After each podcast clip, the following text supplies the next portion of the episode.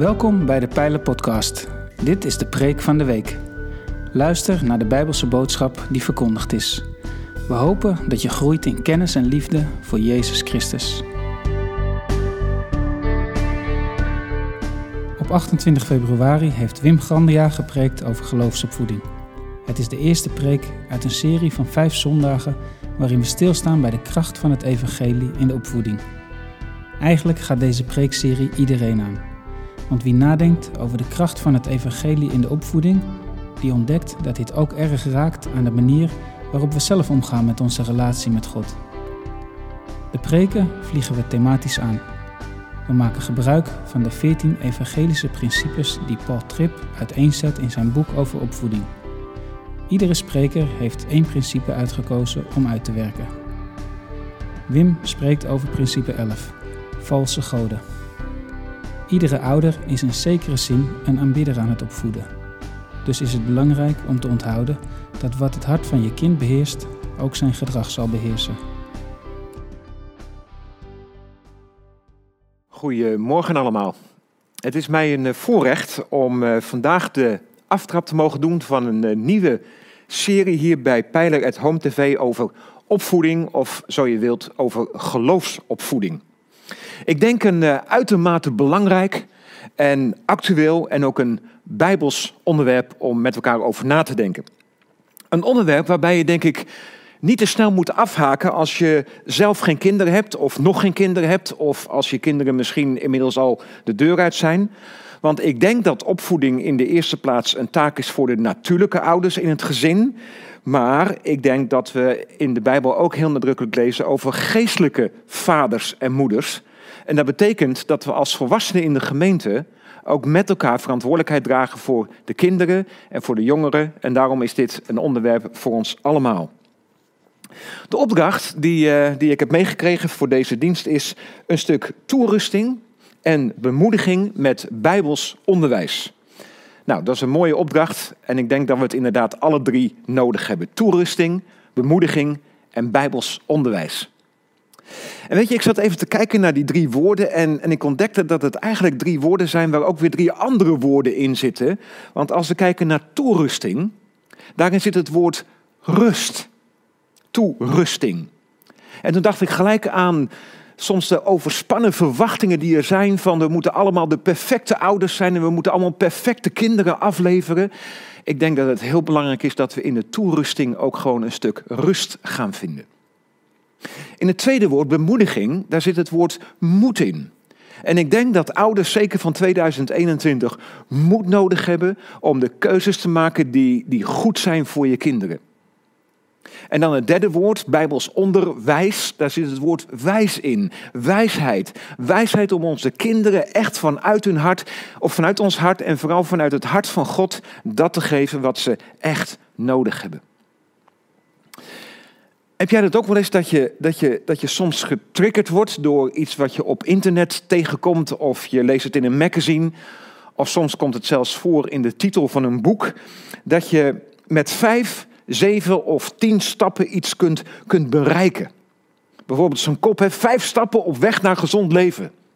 Of het is de titel van een boek dat misschien hier ook al in de boekshop te vinden is, zeven stappen op weg naar vrijheid. Of tien stappen op weg naar succesvol of naar perfect ouderschap. Nou, aan de ene kant moet ik zeggen, het spreekt me wel aan, zo'n zo, zo, zo stappenplan. Ik hou ervan een beetje structuur en van een beetje doelgericht bezig zijn. Maar de andere kant, dat is tenminste mijn ervaring, is het leven vaak zo complex dat zo'n dat zo'n stappenplan toch ook niet altijd zomaar werkt zoals het soms belooft dat het werkt. En dan moet ik een beetje denken aan die mooie gebruiksaanwijzingen die je altijd van de IKEA meekrijgt. Het lijkt zo eenvoudig, stap voor stap, een eenvoudig stappenplan. Maar als ik bezig ga, dan ben ik meestal bij het laatste plankje. En dan kom ik tot de ontdekking dat het eerste plankje net andersom moet. En dan kun je weer opnieuw beginnen. Maar goed, tien stappen op weg naar succesvol of naar perfect ouderschap. Stel dat het me zou lukken om een boek te schrijven met inderdaad tien stappen op weg naar dat succes. Waarbij die tien stappen ook allemaal uiteindelijk inderdaad leiden naar dat doel. Succesvol, perfect ouderschap. Ik denk als ik zo'n boek zou kunnen schrijven dat dat per definitie een bestseller wordt. Alleen, stel dat het lukt.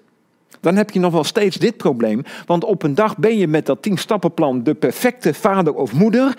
En dan blijken je kinderen imperfect te zijn. Nou, dat zou dan inspiratie kunnen zijn voor het tweede deel, namelijk tien stappen op weg naar perfect kinderschap. Maar ja, als die kinderen dat dan weer bereikt hebben, dan blijkt dat hun ouders dat boek net niet hebben gelezen. En nou ja, wat ik wil zeggen, als het gaat om het opvoeden van onze kinderen, perfecte kinderen bestaan niet en perfecte ouders al helemaal niet. Sterker nog, als we gewoon even heel eerlijk zijn, hè, goed vader en goed moederschap vraagt om kwaliteiten, vraagt om een hartsgesteldheid, vraagt om een houding die zo haak staat op ons zondige, egocentrische, opstandige en gebroken hart. Gewoon heel eerlijk, ons zondige hart zit zo vol met zaken die per definitie goed ouderschap in de weg staan. Daarom denk ik dat opvoeding begint, of opvoeding van je kinderen, begint met opvoeding bij jezelf. Ik heb in de opvoeding van mijn inmiddels vijf volwassen kinderen, eh, als ik daarop terugkijk, dan heb ik denk ik heel veel aangegeven aan, aan de opvoeding van hun kinderen, aan het vormen, aan het kneden, aan het veranderen van mijn kinderen. Alles was gericht op mijn kinderen, maar, maar ik, ik ga me steeds meer realiseren, misschien had ik in die tijd ook wat meer bezig moeten zijn met opvoeding van mezelf. Want hoe zou ik dingen kunnen, mijn kinderen dingen kunnen leren die ik zelf nog niet heb geleerd? Of laat ik het zo zeggen, die ik zelf niet bereid ben om te leren. Hoe zou ik mijn kinderen kunnen vormen als ik zelf niet bereid ben om gevormd te worden? Hoe zou ik mijn kinderen, kinderen kunnen helpen om te veranderen als ik God niet de ruimte geef in mijn eigen leven om zelf ook te veranderen? Weet je, dit beseffen, dat je zelf ook nog zoveel opvoeding nodig hebt. Dat je zelf ook nog zoveel moet leren. Dat je zelf nog midden in het proces zit van vallen en opstaan. En ook het besef dat je zelf ten diepste net zo zondig en opstandig bent als je kinderen dat zijn. Ik denk dat je dat tot een vader en moeder maakt die niet boven hun kinderen gaan staan, maar die naast hun kinderen gaan staan. En het doet niets af van de positie die God je heeft gegeven als vader en als moeder. Maar dat betekent niet dat je, dat je boven ze moet gaan staan, maar het is zo belangrijk dat we naast ze gaan staan. Weet je, het is zo verschil, hè? Als er weer eens een keer wat gebeurd is, dat je gaat verwijten van waarom doe je dit telkens? En waarom doe je mij dit aan? Of als het weer eens een keer misgegaan is, dat je naast je zoon of dochter gaat staan en dat je zegt, joh, weet je dat ik dat ook vaak zo moeilijk vind in mijn leven, waar jij nu mee worstelt? En weet je, als, als, als dit besef er is, dat je zelf net zo zonder bent als je kinderen, en als dat besef er is dat je daarom zelf ook zo afhankelijk bent en moet leven vanuit de genade van God. Hoe meer dat bij, ons, bij onszelf in ons eigen hart binnenkomt, des te meer je ook bereid zal zijn om je kinderen, hoe vaak het misschien ook misgaat, te overladen met genade. Goed, er is gevraagd om, uiteraard vanuit de pijler, om bijbels onderwijs. Nou, dan denk je misschien, zou de Bijbel dan wellicht wel zo'n tien, tien stappenplan hebben over succesvol of perfect ouderschap of perfect kinderschap? Nou, ik heb uh, er in de voorbereiding nog eens opnieuw naar gekeken. Misschien heb ik het over het hoofd gezien, maar ik ben het echt niet tegengekomen. Geen succesvol tien stappenplan. Maar de Bijbel leert ons wel heel veel over wat opvoeden is. Laat ik het zo zeggen, wat opvoeden naar Gods hart is. Mag ik gewoon eens een paar teksten uh, lezen uit de Bijbel? En, en elke tekst zou eigenlijk op zich al een preek uh, kunnen worden. Maar zomaar even een paar teksten wat we daarover lezen. Bijvoorbeeld in Efesius 6, vers 4, daar lezen we dit. Vaders, maak uw kinderen, en dit geldt natuurlijk ook voor moeders, vaders, maak uw kinderen niet verbitterd, maar vorm en vermaan hen bij het opvoeden zoals de Heer dat wil. En in Colossense 3, vers 20 lezen we een tekst die, nou, die bijna dezelfde inhoud heeft, maar waar net even een ander accent ligt, legt. Vaders, fit niet op uw kinderen, want dat maakt ze moedeloos. We lezen in Psalm 103, vers 13 over een heel belangrijk kenmerk van een goede vader en van een goede moeder. Moet je eens lezen wat er staat, heel mooi. Zo liefdevol als een vader is voor zijn kinderen, zo liefdevol is de Heer voor wie hem vrezen. Wat ik zo mooi vind aan deze tekst is dat er een heel direct verband wordt gelegd tussen God als hemelse vader en ons als aardse vader of moeder. En als het goed is, ligt dat met elkaar op dezelfde lijn. Beseffen we wel hoezeer het godsbeeld van onze kinderen wordt bepaald door wat ze in ons leven als vader en moeder van God zien. En beseffen we wel hoezeer het vaderbeeld van God wordt bepaald door hoe je als vader zelf voor je kinderen bent. Besef je dat jouw gezicht bedoeld is als een weerspiegeling van Gods gezicht? Besef je dat jouw stem is bedoeld als een weerspiegeling van Gods stem? Besef je dat jouw handen zijn bedoeld als een weerspiegeling van Gods handen? Besef je dat jouw hart bedoeld is als een weerspiegeling van Gods hart? Nog één tekst uit de Bijbel waarin ook zo duidelijk naar voren komt dat de manier waarop wij omgaan met onze kinderen een afspiegeling moet zijn van hoe God met ons omgaat. We lezen in Deuteronomium 32, vers 10, en ik lees dat even vanuit de Bijbel in gewone taal. God zorgde voor zijn volk met aandacht en liefde, zoals een vader en of moeder zorgt voor zijn kind. Nogmaals, ik geloof niet in een tien-stappenplan, maar alleen al deze paar teksten eh, laat, geven ons zulke mooie, belangrijke basiszaken voor een, voor een gezonde opvoeding. Wees liefdevol, geef ze aandacht, uh, vermaan ze, fit niet op ze, maak ze niet moedeloos. Allemaal hele praktische dingen die we gewoon in de dagelijkse praktijk van onze opvoeding gelijk kunnen gaan toepassen. En als ik deze teksten zo lees, dan nou, ik zou bijna zeggen, geef me een hele zondag om, om dat verder uit te gaan werken. Want weet je, het is zo belangrijk, juist voor onze tijd. Waarin gezinnen onder druk staan, waar een opvoeding zoveel energie kost, om daar met elkaar mee bezig te zijn. Wat geeft de Bijbel ons geweldig belangrijke basisprincipes. Het uitgangspunt voor deze serie, voor de vandaag en de komende zondagen, daarbij is gebruik gemaakt van een, van een uitstekend boek van Paul David Tripp, een Amerikaanse uh, spreker, schrijver. En die heeft een heel boek, je ziet het hier in het beeld staan, een heel mooi boek geschreven. Uh, het is, dacht ik, niet in het Nederlands verkrijgbaar. Het heet Parenting. Het gaat over ouderschap, het gaat over opvoeding. En in dit boek worden veertien principes behandeld die belangrijk zijn voor vaders en moeders, om die te weten, om die te ontdekken en om die toe te passen. Nee, het is niet dan een 14-stappenplan, maar het zijn gewoon hele duidelijke en praktische instructies. Nou, wij mochten als sprekers voor deze serie allemaal één thema uitkiezen. En ik heb gekozen voor hoofdstuk 11 uit dit boek met als thema valse goden. Nou, ik kan me voorstellen dat als je dit zo eh, aangekondigd wordt worden, of misschien had je het al gelezen in het weeknieuws, dat je denkt, valse goden, wat, wat heeft dit met opvoeding te maken? Nou, Paul Tripp werkt in dit hoofdstuk de volgende gedachte uit. Dat ieder mens, dus ook onze kinderen, gemaakt zijn, het van nature in zich hebben om te aanbidden.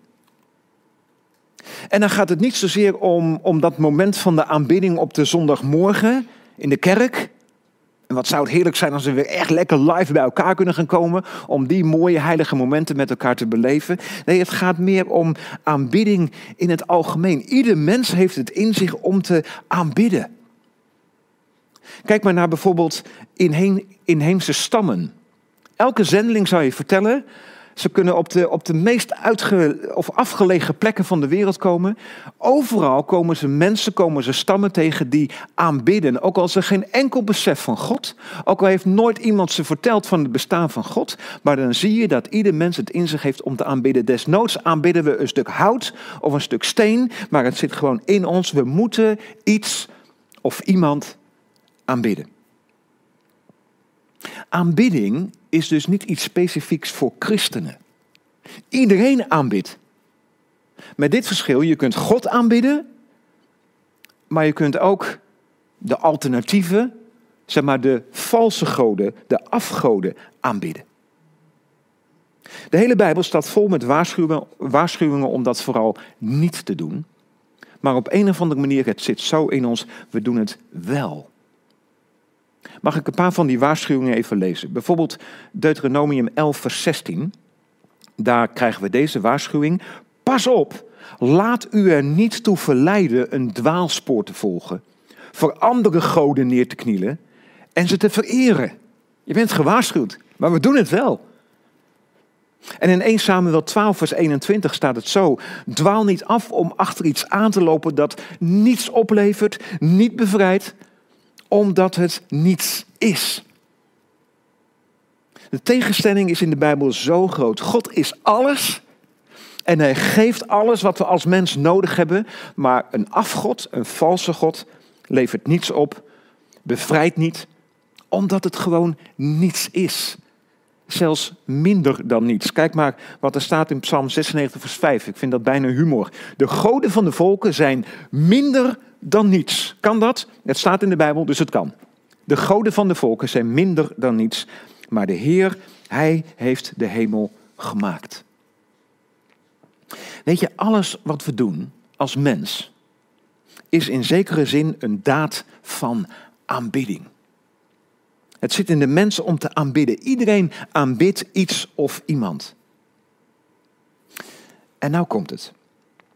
Waar we als mens niet de levende God aanbidden, zullen bijna automatisch dode afgoden deze leegte in ons leven, in ons hart gaan opvullen. Of je bent een aanbidder van de levende God, je schepper, je vader, je, je, je koning, je redder. Of je gaat andere goden aanbidden, die weliswaar niets opleveren, niet bevrijden, minder, minder zijn dan niets, maar toch. Maar wat heeft dit nou met onze kinderen te maken? Nou, even een uitspraak van Paul Tripp die we ook even willen laten zien. Paul Tripp die zegt hierover: je bent als ouder een opvoed of een aanbidder aan het opvoeden. Je bent als ouder een aanbidder aan het opvoeden. Alles wat je kind doet, zegt of besluit heeft te maken met dat wat er in zijn of haar hart wordt aanbeden. Dat is een hele belangrijke. Verderop in het hoofdstuk schrijft hij daar nog dit over. Aanbidding is de drijvende kracht en de verklaring van de keuzes die worden gemaakt. Laat ik het even zo met mijn eigen woorden zeggen en samenvatten. Onze kinderen zijn dus geboren aanbidders. En als het niet God is die wordt aanbeden in hun leven, dan zullen er andere zaken voor in de plaats komen die ze gaan aanbidden. Laten we eens even helemaal teruggaan naar het begin van, van de mooie schepping, met als kroon op de schepping de mens, Adam en Eva. Ze waren door God geschapen om Hem te aanbidden. En in alles wat ze deden en wat ze dachten en wat ze zeiden, in alles werd God aanbeden. En in die zuivere, volmaakte aanbidding, daar in het paradijs, vonden ze hun vreugde, ontdekten zij hun waarde, leefden ze vanuit hun identiteit, werden de diepste verlangens van hun hart bevredigd en ervoeren ze Gods liefde, geborgenheid en aanvaarding.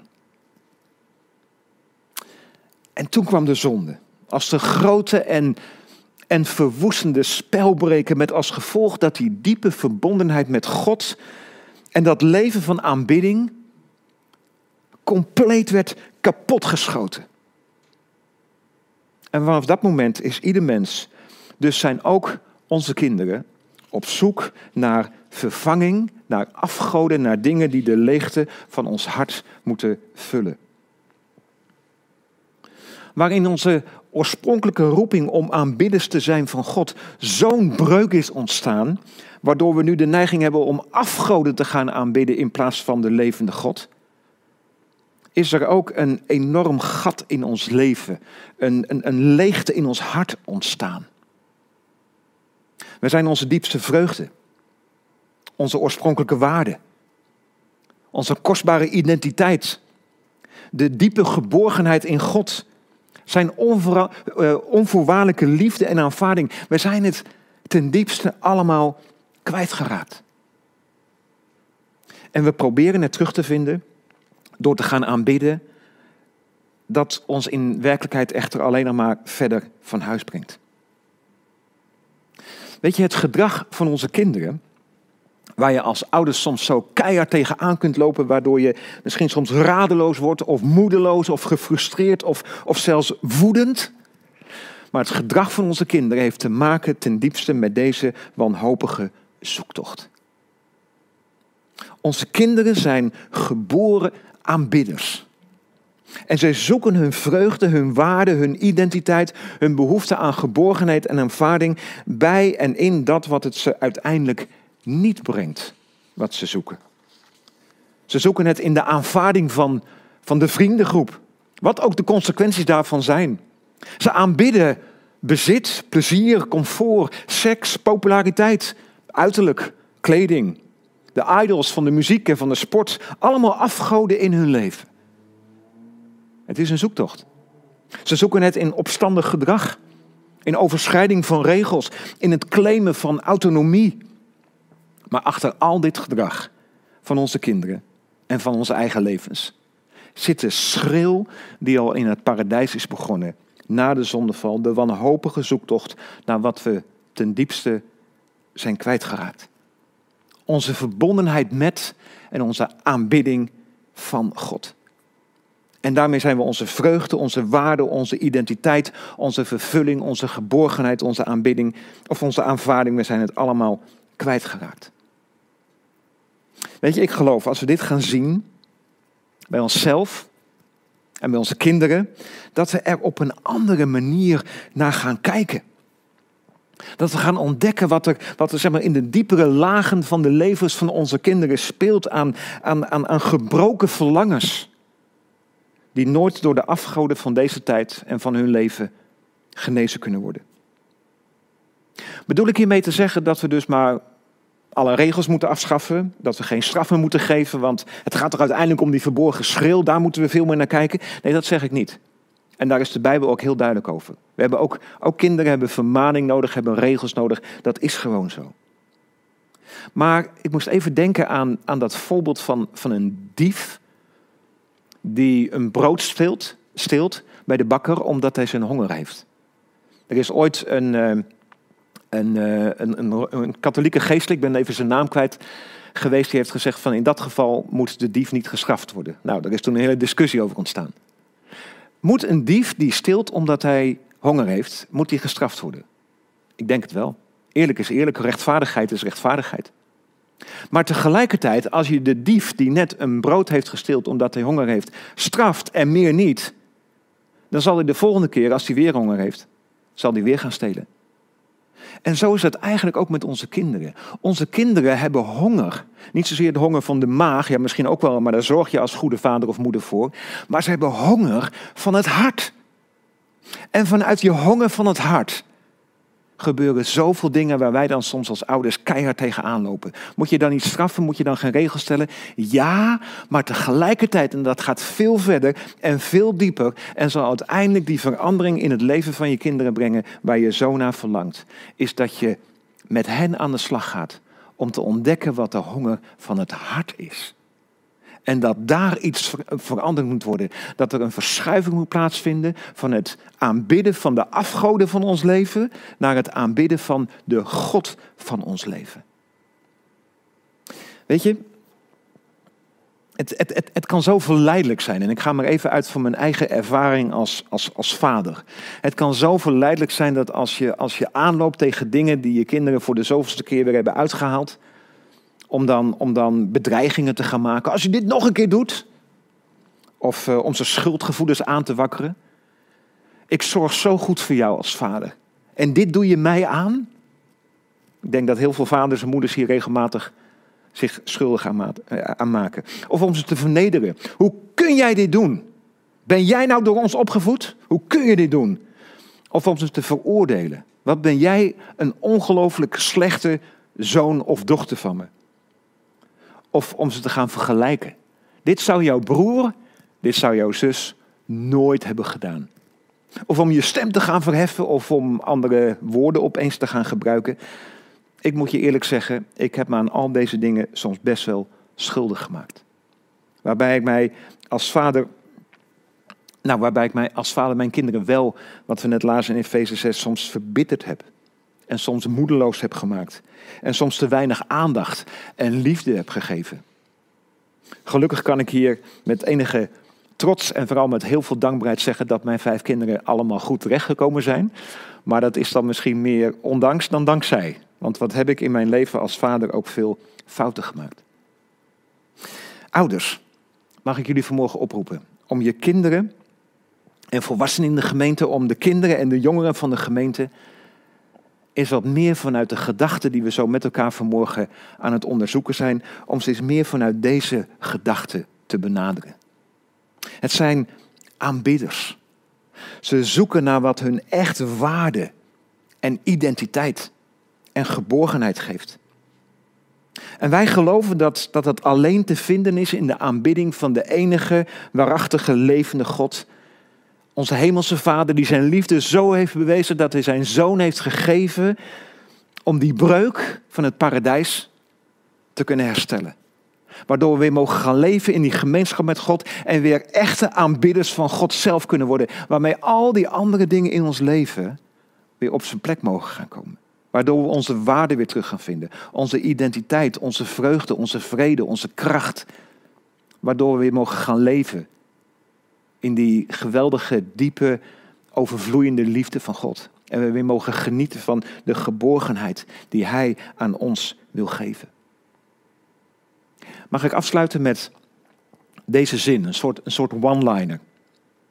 Opvoeden, dat is je kinderen helpen te ontdekken dat ze aanbidders zijn.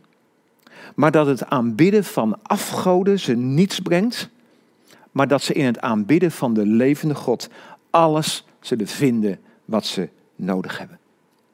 En dat begint met, als vader, als moeder, als volwassen man of vrouw in de gemeente, dat begint met zelf als een voorbeeld, als een levend voorbeeld laten zien dat het in je eigen leven zo werkt. Want laten we eerlijk zijn, ook als volwassenen kunnen we soms zo, zo bezig zijn met het aanbidden van onze volwassen afgoden. Ons mooie huis, onze nog grotere auto, onze carrière. Vul alles maar in. Zelfs onze kinderen kunnen soms afgoden zijn. En als ze dan niet aan onze hooggespannen verwachtingen voldoen, dan vallen ze als een bakse naar beneden. Ook wij als volwassenen, ook wij hebben onze afgoden op te ruimen.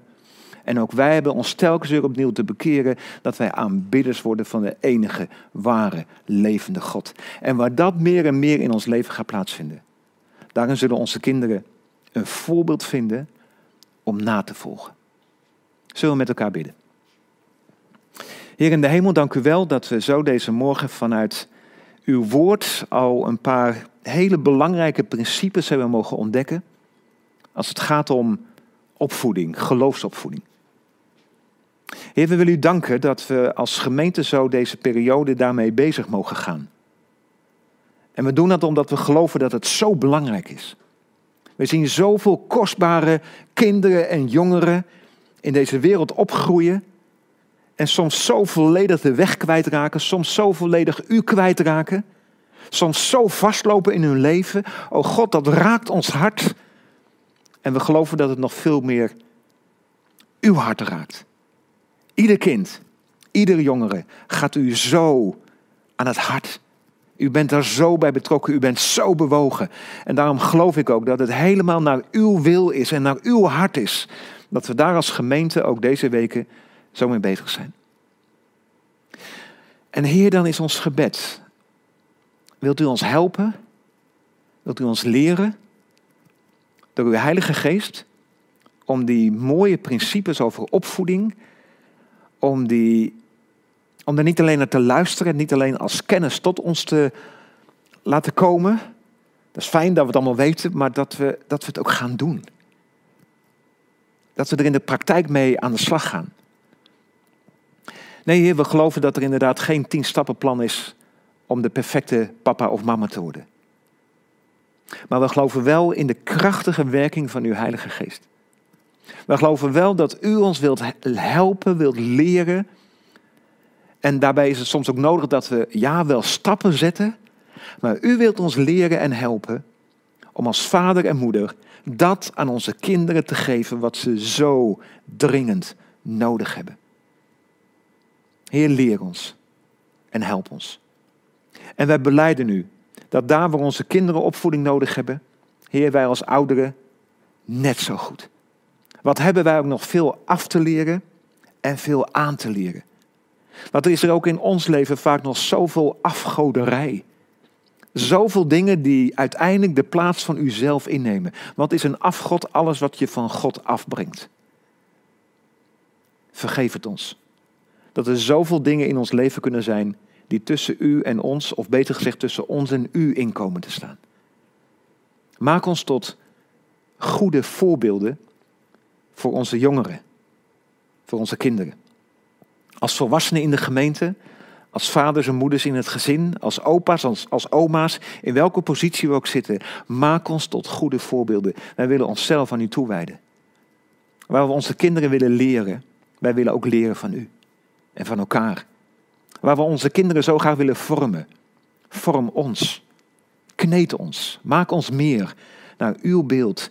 En dat als onze kinderen naar ons gezicht kijken, dat ze iets van uw gezicht zien. En als ze naar onze woorden luisteren, dat ze iets van uw woorden horen.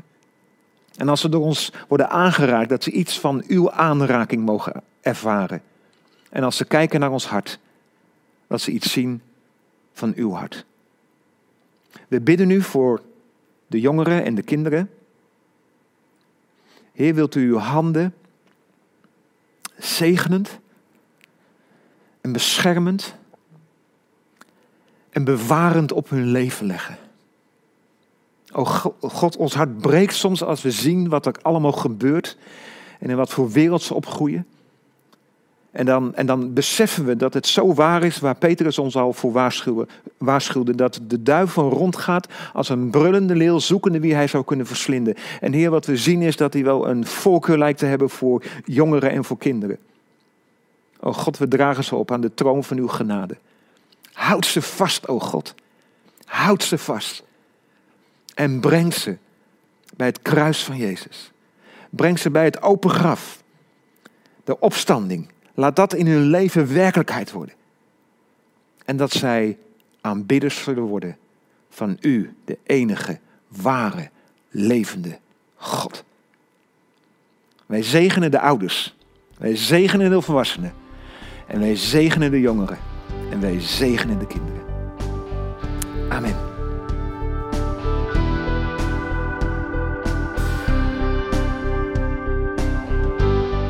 Bedankt voor het luisteren naar deze aflevering van de Pijlen Podcast, Preek van de Week. Heb je vragen naar aanleiding van deze preek? Stel ze. Dat kan via een e-mail naar onderwijs.pijler.nl.